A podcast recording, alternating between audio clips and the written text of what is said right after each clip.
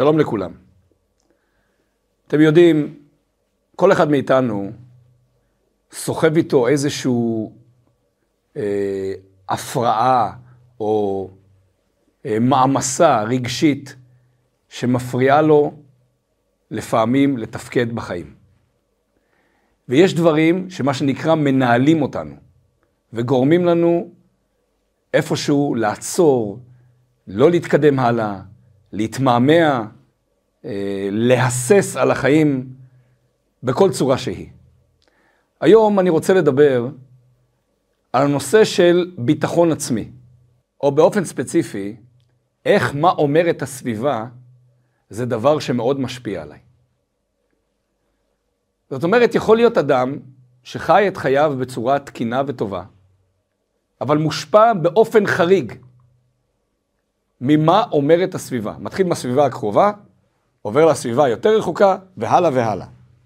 מושפע ברמה שתכנון החיים שלו, תכנון היום-יום הפרטי שלו, מושפע ממה תהיה התגובה של הסביבה.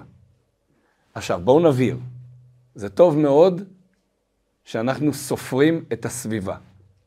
זה אפילו מצוין בגלל שאנחנו צריכים רפלקציה מהסביבה איך אנחנו נראים, מה אנחנו אומרים, איך אנחנו גם נשמעים, האם אנשים נפגעים ממה אנחנו אומרים, זה מצוין. כי אנחנו לא תמיד שמים לב לדקויות, מה בדיוק אמרנו וכמה זה פגש את הסביבה. לכן, נכון וטוב להיות קשוב לסביבה, ולשמוע מהסביבה איך הדברים גם נשמעו כלפי חוץ. אדם שלא קשוב לסביבה יכול להיות פוגעני לסביבה, יכול להיות חסר התחשבות, הוא לפעמים יכול לרמוס את הזולת ואפילו לא לשים לב, כי הוא הרי לא סופר את הסביבה לגמרי, וממילא דברים שהוא אומר מתקבלים בצורה הפוכה לגמרי ממה שהוא התכוון. זה מתוך הנחה שהוא באמת התכוון טוב. מי שבכלל מתכוון לשלילה, אז זה סוגיה אחרת. אבל אדם שהתכוון להגיד דברים טובים, אבל הם לא נשמעים בצורה טובה, והוא ממשיך ופוגע ופוגע ופוגע, הופך את עצמו בעצם לחסר התחשבות בסביבה ולפוגעני. אבל, וכאן האבל הגדול, יש מינונים. הרמב"ם מדבר על כל דבר ללכת בדרך המיצוע. ויש מקרים שהספירה, במרכאות, של הסביבה, הופכת להיות על גבול האובססיה. זאת אומרת, כל דבר נתפס באיך אני אראה בסביבה, אשמע בסביבה, מה יחשבו עליי בסביבה, האם ייתנו לי פידבגים בחזרה, האם יגידו שאני יפה, נחמד, חכם, עשיר, מצליח וכולי. וזה יכול לתקוע את הבן אדם בחיים, בגלל שהסביבה לא עובדת אצלנו. והסביבה לפעמים מרימה גבה, או מעקמת פרצוף, על לא דבר. וזה יכול להפוך, להפוך את האדם לאחד כזה שבלי פידבק מהסביבה, אין לו סטארטר לחיים. היום שלו לא יכול להתחיל. ואם הוא נמצא באיזשהו אירוע, או באיזשהו... כל דבר שמתרחש, ומישהו אמר איזה מילה שמשתמעת שהוא לא הכי הכי, הוא נעצר, הוא קורס. זהו, גמרנו. כאן זה נגמר. אז זה יכול להיות באמצע שיעור שהוא מעביר, זה יכול להיות באמצע אה, סתם שיח עם, אה, עם אנשים, זה יכול להיות במפגש חברתי, מפגש משפחתי. זה עוצר את החיים, זה תוקע את החיים. אז היום אנחנו נדון באיך אנחנו מוציאים את עצמנו, מרוממים את עצמנו מהמקום הזה שמושפע באופן קיצוני ממה אומרת הסביבה. אני רוצה לשתף אתכם במשהו אישי, כמובן בשינוי פרטים כאלה ואחרים, רק כדי להמחיש את הנקודה הזאת, המושפעות מהסביבה. לפני שנים הייתי חלק מצוות שהיה צריך לקבוע בנוגע להעסקה של מישהו במוסד מסוים. לא משנה האירוע מסביב, החלטנו כל הצוות שאותו אדם לא צריך להיות במוסד. כל הצוות. משום מה, קרה המקרה וההאשמה של אי העסקת אותו אדם במוסד נפלה עליי. מרגע שאני הייתי בחזית, אותו אדם, משפחתו, נתקע ממני מגע. לא מדברים. עבר חודש, חודשיים, אחרי תקופה, אחרי תקופת צינון של הדבר, ניסיתי ליצור קשר ולהסביר מה היה, איך היה, לנסות uh, להעביר דברים, בכל זאת עבר זמן, אותו אדם גם הסתדר במקום אחר. לא צלח, פעם, פעמיים, דרך אנשים אחרים, זה פשוט לא עבד. התעלמות לחלוטין. עכשיו בואו נעצור, נעצור רגע כאן, ונזכור שההלכה אומרת שכשאתה מבקש סליחה ממישהו, בין אם הסליחה היא כי אתה צריך לבקש סליחה, בין עוד, עוד יותר מזה, אתה בכלל לא צריך לבקש סליחה. אבל עשית לפנים משורת הדין וביקשת סליחה, אחרי שלוש פעמים אתה עוצר. לא יכול להיות שבן אדם יבקש סליחה כל החיים. בלתי אפשרי. אנשים עושים טעויות, מבקשים סליחה. מה עוד שבמקרה הזה עד היום אני חושב שלא עשינו טעות, עשינו את ההחלטה הנכונה.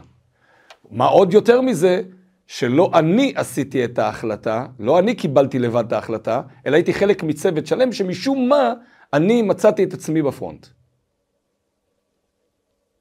פעם אחת, פעם שנייה, פעם שלישית, כל כך הרבה פעמים, סליחה, בצורה כזאת או אחרת, ולא נעניתי בשום צורה. אוקיי, אז יש כאן נתק. מה עושים? הבעיה הייתה שהיות ואנחנו מכירים בצורה כזאת או אחרת, אנחנו מדי פעם גם נפגשים בכל מיני אירועים משותפים. ובאירועים המשותפים, אני חושב בשעת מעשה, איך אני לא נפגש עם אותו אדם. איך אני עוקף את מה יגיד אותו אדם או לא יגיד אותו אדם, איך אם אני אגיש לו את היד לשלום עליכם והוא לא יענה בחזרה, מה תהיה התגובה שלי ואיך זה ישפיע עליי. פה אנחנו נכנסים לליבת הסוגיה. אם עשיתי את מה שצריך על פי ההלכה או על פי החוק, ואני, בהשכלה שלי, בהבנה שלי, שלם עם עצמי, כאן זה נגמר. זהו. אם השני ירצה, הוא יבוא ויצטרף. אם הוא לא ירצה, יערב לו ויבושם לו. אני את החיים שלי צריך להמשיך לחיות כרגיל, בצורה שלמה ומלאה. ולא לחשוב פעמיים להגיע לאירוע מסוים, כי הוא נמצא או לא נמצא. אז הנה, אנחנו נוגעים בעניין עצמו. כמה להיות מושפע מהסביבה? האם להיות מושפע מהסביבה? והאם הגענו למצב שהסביבה מנהלת אותנו ואנחנו רוקדים לפי החליל של הסביבה? ברמה כזאת, כמו ליצן בקרקס. אם כולם מוחאים כפיים, סימן שהצלחתי. אם לא מוחאים כפיים, נכשלתי. דרך אגב, אומנים חיים מאוד מאוד את הסביבה. ברגע שלא מוחאים כפיים לאומן, נגמר לו הערב. נגמר לו הערב, לא משנה אם נספר בדיחות ב- ב- באירוע הזה, או שהוא שר, או שהוא עושה חיקויים, לא משנה. לא מחאו כפיים, אני לא קיים. למה? למה? זה בדיוק סוג העבודה שמכריח אותך להיות נצרך לסביבה, ובאופן קיצוני. אבל לא כולנו אומנים, ולא כולנו מתעסקים בתחום הזה של מחיאות כפיים. רובנו אנשים שחיים את החיים.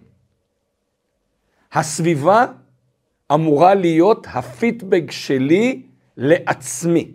ואם אני שלם עם עצמי, עם מה שעשיתי, אז הסביבה תתקן כאלה זוויות זוויות כאלה או אחרות, כי זה בסדר להשתפשף בעקבות הסביבה, אבל סביבה שתנהל את החיים שלי, זה כבר דבר קיצוני. ותכף נדבר בהמשך איך יוצאים מהבועה הזאת, ואיך מסתכלים על החיים ממבט יותר גבוה ויותר שלוקח את הדברים בפרופורציה הנכונה. אבל, כמו כל דבר, יש אותו במיקרו ויש אותו במקרו. כלומר, האירוע הזה של מה אומרת הסביבה, קיים גם עכשיו, כרגע. ואני רוצה לתת דוגמה דווקא ממה שמתרחש כרגע בחדשות, וכולם מכירים ומדברים סביב הדוגמה הזאת, ואנחנו נראה איך אנחנו יכולים, ואולי יותר קל לנו, להסתכל על דבר מזווית פרטית על הכלל, ולהבין איפה הכלל טועה, איך הכלל יכול לתקן את עצמו, ומזה לחזור למיקרו הפרטי ולמצוא איך אני מגיע לאותה נקודה. בואו נקדים. שאלו את צ'רצ'יל, מה ההגדרה של אנטישמי? וצ'רצ'יל ענה, אנטישמי זה אחד ששונא את היהודים קצת יותר מהמקובל. תחשבו על ההגדרה הזאת. לשנוא יהודים כמו המקובל, זה בסדר גמור, זה מקובל, הכל בסדר. קצת יותר מהמקובל, זה כבר אנטישמי. אנחנו לא צריכים הוכחות. העולם שסובב סביבנו הוא עולם אנטישמי, ברמה כזאת, ברמה אחרת. חלק מסתירים את זה, חלק מגלים את זה, חלק חושבים שהפתרון הוא אה, צבאי, חלק חושבים שהפתרון הוא מדיני להשמיד אותנו, היה לא תהיה. אנטישמיות זה דבר שמלווה את עם ישראל מרגע היותו לעם. המצרים רצו להשמיד אותנו, כל הבן הילוד היורה תשליכו, זאת ראשית האנטישמיות נגד עם ישראל. מה חשבתם?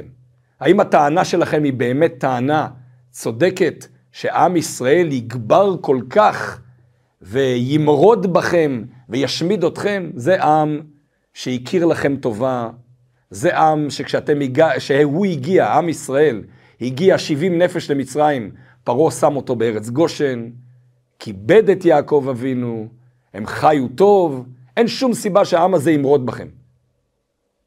אבל אנטישמיות כמו אנטישמיות לא בנויה על לוגיקה, לא בנויה על הסברים, היא בנויה על אנטישמיות. אז מה עושה האנטישמי המצרי? כל הבן הילוד, היאורה תשליכו. מה עושה האנטישמי הערבי של היום? הטבח בשמחת תורה. וכך הלאה והלאה והלאה, כל הדורות מלאים באנטישמיות, בין אם זה מהצד המוסלמי, מהצד הנוצרי, זה לא משנה. You name it, מה שנקרא. פתאום לאחרונה, אנחנו נתבעים בבית דין בהאג. כלומר, העולם תובע את עם ישראל, תקשיבו טוב, תחזיקו חזק, לא פחות על רצח עם. זאת אומרת, בשמחת תורה שבאו להשמיד אותנו, ולולא הקדוש ברוך הוא היה עוזר בצה"ל, וכוחות הביטחון והמשטרה, הם היו מגיעים מצידם מקצה לקצה של הארץ. והם רצו להשמיד, להרוג ולאבד את כל היהודים, כלשון הפסוק במגילה, כפשוטו ממש. זה בסדר, על זה אין תביעות. מה התביעות? למה אנחנו משמידים עם בעזה? אנחנו יצאנו למלחמת הגנה. אנחנו יצאנו להרוג את כל אלה שמבקשי רעתנו שרצו להשמיד אותנו. במקום שאנחנו נהיה התובעים בהאג, אנחנו הפכנו להיות הנתבעים בהאג. למה? כי אנחנו מסתכלים ועושים עניין במה יאמרו הגויים. משנה לנו מאוד איך יסתכל עלינו האמריקאי, האירופאי, האנגלי, הגרמני, ההולנדי, איך הוא יעקם את האף על מה שעשינו. תסתכלו על ארדואן, העריץ מטורקיה. רצח עם לפי כל העדויות האפשריות. רצח עם של העם הארמני. הוא נתבע בבית דין בהאג, וזה בכלל לא מעניין אותו. לא סופר את זה. למה? כי לבית דין בהאג אין מטוסים ואין טנקים, אז שימשיך לתבוע. מה אכפת לי מה אתה אומר? אם אני חושב שאני עשיתי מהלך נכון, אם אני יודע במאה אחוז שהמהלך שלי הוא מהלך נכון, לא מעניין אותי שום דבר.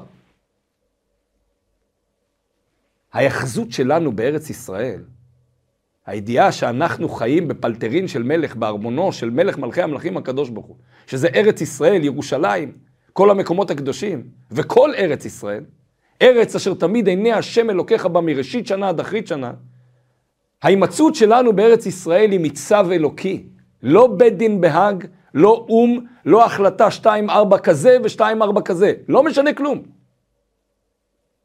רק החלטה אלוקית, בראשית ברא אלוקים את השמיים ואת הארץ. כל הארץ של הקדוש ברוך הוא ברצונו נתנה לכם, וברצונו נטלה מכם ונתנה לנו, נקודה. בית דין בהאג? תסתכלו איזה מגוחך. תראו איזה מגוחך, הפכו אותנו לרוצחים. בעוד שכל בר דעת מבין שיצאנו להגנה על חיינו כפשוטו ממש. מסקנה, אנחנו חיים בגלל הזולת. אנחנו חיים במה יאמר אותו פוליטיקאי באמריקה, ומה יאמר אותו פוליטיקאי באירופה, ואיך יסתכלו עלינו פה ואיך יסתכלו עלינו שם. נראות חיצונית של אנשים נאורים שחיים לפי כללי העולם הנוכחי המערבי. אנחנו לא אה, אה, חוליגנים, אנחנו לא חבורה של אה, סתם אנשים בלי אה, כיוון. אנחנו אנשים ישרים, אנחנו אנשים עם מצפון, אנחנו אנשים שחיים לפי כללי וצווי המדינות הדמוקרטיות הנאורות. אנחנו ראינו לפני 80 שנה מה עשו אותן מדינות דמוקרטיות נאורות. אנחנו ראינו איך מדינה דמוקרטית ונאורה השמידה 6 מיליון יהודים. כי היא נאורה. כי היא הייתה דמוקרטית. היטלר, יימח שמו, נבחר ברוב קולות של העם הגרמני, בבחירות דמוקרטיות. אז מה זה אומר? זה אומר כלום. זה אומר שאת הנאציזם הלבישו בדמוקרטיה, זה אומר שאת האנטישמיות הלבישו בחוקי המשחק האירופאים, והשמידו שליש מעם ישראל. אז זה לא אומר כלום. הבית דין בהאג לא אומר שום צדק ושום יושר. אומר שהלבישו את האנטישמיות בכפפות של בית דין. עכשיו יש להם כובעים על הראש, יש להם גלימות ארוכות, הם נקראים שופטי על, הם שופטים של כל העולם, ובסוף מסתתר אנטישמי קטן עמוק בפנים, ששופט אותנו לפי אותה אנטישמיות. מה צריך לעשות? אז למה אני מתווכח איתו בכלל? אם בסוף אני יודע את התוצאה, זה בכלל לא משנה מה אני אגיד, אני בסוף אשאר הכובש, האכזר, הרוצח, אז למה אני נכנס לכל התהליך? למה אני מבזבז זמן וכסף ואנרגיה וציפיות? שום כלום. הזמנת אותי לבית דין בהאג, אין בית דין בהאג, לא קיים, שום דבר, אתה חסר משמעות לגביי, ואני ממשיך את החיים גם ככה. כי אני החלטתי שאני מסתכל על עצמי, האם אני צודק, לא מה אתה אומר שאני צודק, אלא מה אני יודע ומרגיש שאני צודק. עם זה אני זורם קדימה. מספרים על מורה למתמטיקה,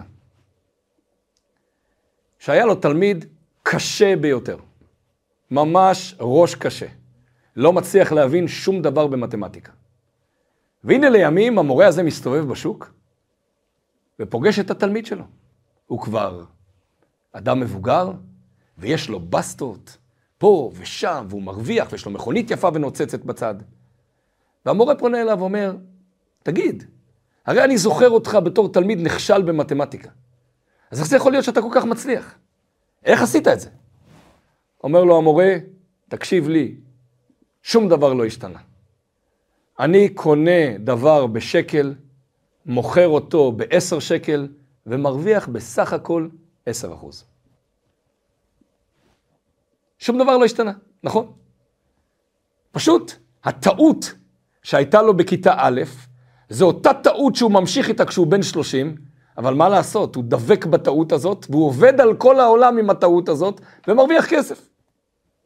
אנטישמיות לא משתנה, לא מכיתה א' ולא בגיל 30, היא נשארת אותו דבר, והשפה שלה משתנה, והכיוונים שלה משתנים. פעם האשימו את החרדים באירופה, ואחר כך מאשימים את הציונים בארץ ישראל, ואחר כך יאשימו את ההוא ואת ההוא ואת ההוא. עשיו שונא ליעקב, זאת הגדרה הלכתית, נקודה. הסיפורים, איך ילבישו את זה, בכלל לא משנים. והדרך להתמודד עם זה, היא כמו הדרך להתמודד בחיים.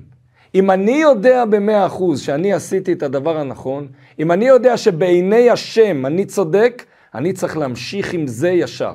שוב, לא באופן קיצוני שאני בכלל לא רואה מה קורה בסביבה, אבל לדעת לשים את המעצורים של כמה הסביבה יודעת לשייף אותי בצורה החיובית, וכמה הסביבה הופכת להיות דבר שבולע אותי, דבר שלא מאפשר לי קיום, דבר שמצריך אותי כל הזמן להזדקק לאישורים מהסביבה, לחיוכים, ל- ל- למילה טובה, לדברי שבח מהסביבה. עד כאן. ברגע שזה מגיע למקום הזה, זה הופך להיות אובססיה. וכמו כל דבר במשנתו של הרבי מלובביץ', שלימד אותנו כל כך הרבה פעמים את המשפט הזה, תורה מלשון הוראה. עד כדי כך שבעידן הדיגיטלי שאפשר לבדוק בשיחות שהרבי אמר, כמה פעמים מופיע אותו משפט, היו התוועדויות שהרבי ערך, שהוא חזר על המשפט הזה, תורה מלשון הוראה, שמונה פעמים במהלך ההתוועדות בהקשרים שונים. אין כזה דבר שיש סיפור של התורה, שאתה לא לוקח ממנו הוראה בעבודת השם. פרשת השבוע, פרשת בו, שבה מופיעים שלושת המכות האחרונות. הרבה, חושך ומכת בכורות. בגימטריה, בו, בית א', שלוש. מה קורה במכת חושך? שימו לב למילים. לא ראו איש את אחיו, ולא קמו איש מתחתיו שלושת ימים. ולכל בני ישראל היה אור במושבותם. אנחנו פה מקבלים שני צדדים של שני עמים שונים. או אם נרצה, שני צדדים של אותו אדם, והוא צריך לבחור למה הוא שייך. האם הוא שייך לצד הישראלי, היהודי, או שייך לצד של אומות העולם, לצד הלא נכון בחשיבה, בעניין הזה. מה קורה אצל המצרים? יש חושך כל כך חזק שלא ראו איש את אחיו. גם אחווה, שהיא אחווה בסיסית של אח, אתה לא רואה. החושך מעוור כל כך, שאתה לא שם לב בכלל מי הטוב ומי הרע. אתה לא שם לב אם עשית את הדבר הנכון או לא עשית את הדבר הנכון. ולכל בני ישראל, באותו זמן בדיוק, היה אור במושבותם. לכל בני ישראל האיר הארה. היה להם מצב מואר. מצב חשוך בענייננו זה מצב שאתה כל הזמן צריך אפקטים סביבתיים כדי להאיר לך את החושך הפרטי. אתה נמצא במקום כל כך חשוך, מכונס, מכווץ, שמחפש הכשרים מהסביבה, כי רק הסביבה תוכל לרומם אותי ולהגיד לי כמה אני שווה. ולכל בני ישראל היה אור פנימי, היה אור במושבותם, הכל מואר, הכל בסדר. אני שלם עם עצמי במאה אחוז, כי אני יודע דבר אחד, וזה הדבר הקובע. אלוקים נמצא איתי. מה שעשיתי, עשיתי את הדבר הנכון. אלוקים, אני שלם איתך, אלוקים, אתה משגיח עליי, אלוקים, אתה נותן לי כוח להתמודד עם כל קשיי היום-יום, זהו. הסביבה, תרצה, תבוא איתי ביחד, לא תרצה, מכובד, מקובל, יכולים להישאר גם במקום שלהם. אם יש אמונה חזקה בצדקת הדרך, נעצר לנו הצורך לפגוש כל הזמן אוקיי ומילים טובות מהסביבה. אנחנו לא צריכים את זה. אפשר לקחת את הדילמה הזאת ולהפוך אותה גם לעוד דבר, שבעצם צורת ההתמודדות היא די זהה. לנו יש, כידוע, נפש בהמית ונפש אלוקית. הנפש הבהמית, היא רוצה רצונות כמו בהמה. הנפש האלוקית רוצה להתקרב לאלוקים. כשיש נפש בהמית חזקה, עם רצונות מאוד מאוד אגרסיביים לדבר עבירה, איך מנטרלים אותה? איך מעבירים אותה למקום אחר? איך גורמים לה לא לפתות אותנו לדבר עבירה? התשובה הכתובה בחסידות היא ליצור אהבה חזקה באותה מידה ויותר חזקה מצד הנפש האלוקית. וזה בדרך התבוננות. התבוננות בזה שהקדוש ברוך הוא ממלא את העולם, התבוננות בזה שהקדוש ברוך הוא מחיה אותי כרגע, התבוננות בזה שהקדוש ברוך הוא טבע טוב להיטיב, והוא לא רוצה שיקרה לי שום דבר שלילי, התבוננות בזה שהקדוש ברוך הוא מלך העולם הרוחני והגשמי, ותוך כדי נוצרת אהבה מאוד גדולה, שמתבטאת בתפילה במילים, ואהבת את השם אלוקיך. שימו לב לכל תהליך התפילה. הוא בעצם תהליך של להתחיל במודה אני, ולהתחיל לדבר רק על מה שאלוקים עושה לנו. משמש, ירח, כוכבים, צבא השמיים, מלאכים, שרפים, נותן לנו חיות, לבני עורב אשר יקראו, להתבונן בכל הדברים האלה ולהגיד, ריבונו של עולם, אתה כזה גדול, אתה כל כך ענק, אתה כל כך אוהב אותי, כל מה שאני רוצה זה להחזיר אליך אהבה. אם ניצור אהבה גדולה בנפש האלוקית, היא תדע לכבות את האהבה של הנפש הבעמית. או בלשון החסידות, אש אוכלה אש. כשיש אש חזקה וממשית ומוחשית של נפש אלוקית, היא אוכלת את כל השלילה של הנפש הבעמית. אז אם על הפרק עומד, האם אני אעבור עבירה, כי אני מאוד רוצה את העבירה מצד הנפש הבעמית, או מצד שני אני רוצה את הקרבה לאלוקים, הקרבה לאלוקים תכריע את הכף. ואני ארצה את הקרבה לאלוקים ואני אמנע מהעבירה, או לחילופין אני אעשה מצווה. אז מה יש לנו כאן שורה תחתונה? כשיש אש חזקה, משמעותית יותר, היא מצליחה להתגבר על חסר של תאווה של נפש בעמית. כי מה אומר בעצם החסר הזה? אם היינו יודעים לדבר בשפת הנפש הבעמית, הנפש הבעמית באה לשכנע אותנו לעבור עבירה. מה היא מציעה? היא מציעה פיתוי של אכילה, של איסור, של משהו, והיא אומרת, תשמע, אני יכולה לתת לך סיפוק של חמש דקות שהוא פנטסטי. מה עונים לסיפוק הזה? את מציעה לי סיפוק של חמש דקות פנטסטי, אני מציע לעצמי סיפוק של נצח, קרבה לאלוקים, אהבת השם. מה זה לעומת זה? זה כלום. אבל חז"ל אמרו, הבור ריק אין בו מים, נחשים ועקרבים יש בו. אם הבור מלא, לא ייכנס נחש ועקרב. כי אני רוצה להיות קרוב לקדוש ברוך הוא, אבל אם הבור מתחיל להיות ריק, אז כל תאווה כבר מושכת. היה סיפור עם האדמו"ר מיללוב, שלפני כמה ימים היה היורצייט שלו. שבא אליו אה, משפחה ואמרה, הבן שלנו ירד מהדרך והתחיל להתרועע עם גויה. וממש מדברים על חתונה. מה עושים, רבי? והאדמו"ר אמר, שלחו אותו אליי, אני רוצה לדבר איתו. שמחו. הגיע הבחור אליו, ישב אצלו כמה שישב, חוזר הביתה, נו, מה הרבי אמר?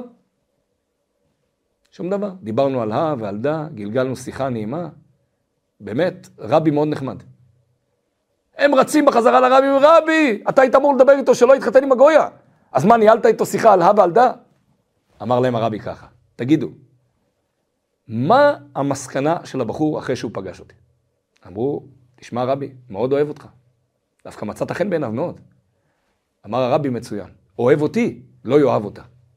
אם יש לי אהבה חזקה בצד ימין, אהבה לאלוקים, אני יודע להתגבר איתה על אהבה לעבירה שהיא אף פעם לא חזקה באמת כמו האהבה להשם. כי בסופו של דבר, אהבה לתאוות העולם. וכנגדה אנחנו מדברים במושגים של נצח, במושגים של אהבת אלוקים. שבסופו של דבר, אם אנחנו נמצה את ההשתדלות שלנו, את הקרבה שלנו לאלוקים, זה יהיה אש אוכלה אש. זה יתגבר על התאווה המקומית. ואם נחזור למה שדיברנו בהתחלה, החסר הזה נובע בסוף מחוסר באמונה. גם במקרו, גם במיקרו. אם אני מאמין בצדקת דרכי שארץ ישראל שייכת לעם ישראל, על פי תורת ישראל, כי אלוקים נתן לנו אותה במתנה, אנחנו נחליט מה אנחנו עושים בארץ ישראל. אנחנו לא עוד כוכב בדגל האמריקאי, אלא אנחנו אחראים לגורלנו. כמובן על פי תורה, על פי מצוות וכולי. ואם בחרנו באופן דמוקרטי מישהו שיעמוד וייצג אותנו, שייצג אותנו בכבוד, עם כל הכוח. ירצו להפסיק את הסיוע, יפסיקו את הסיוע. ברור שהם לא ירצו להפסיק והם לא יפסיקו. כי התפקיד שלהם זה לעשות משהו אחד, והתפקיד שלנו זה לעמוד על שלנו. וראו במהלך כל הדורות, כשעם ישראל היה תקיף, כולם באו איתנו. תקיף, מאמין, יודע את צדקת דרכו. אתה מתחיל לגמגם, באים מהשמאל ומהימין ושוטפים אותך מפה וכל אחד נותן לך עצה, ואתה הולך ומתפזר. בית דין בהאג ישמע שאנחנו לא זזים מצדקת דרכנו אפילו לא סנטימטר, כי אנחנו עשינו את הדבר הכי נכון, ואולי אפילו לא מספיק נכון. כי אלוקים איתנו ואלוקים שומר עלינו. ירצו, ישפטו אותנו ויגיד שיצאנו חייבים בבית דין בהאג. So what? אז מה? מה יקרה? כלום לא יקרה. קרננו רק תרום בעיני כל הגויים מסביב, כי אנשים ערכיים, אנשים החלטיים, שהולכים עם צדקת הדרך שלהם, ויודעים מה הם עושים. ואותו דבר במיקרו. כשאני יודע בוודאות שהשם איתי, אני לא נזקק יותר לכל ההכשרים של הסביבה. כי הקדוש ברוך הוא איתי. מה שאני שומע מהסביבה, שמשפץ לי את ההחלטות בצורה נכונה, אני זורם עם זה. ברגע שהסביבה היא יותר מדי, אני נותן לה יותר מדי משקל, עברתי את הגבול. אלוקים איתי, וצדקת הדרך נמצאת איתי, כי יש לי סייעתא דשמיא, ועם זה אני ממשיך. טוב, אז נשאר רק לברך, באמת מכל הלב, לכל אחד שמושפע בצורה כזאת או אחרת מהסביבה, שיחזק אצל עצמו את האמונה, והיא תתחזק באמת, ונמשיך עם הכיוון הזה, הכיוון החיובי של לעשות טוב בעולם, ושאר האנשים, בעזרת השם, גם יצטרפו. בהצלחה רבה לכולם.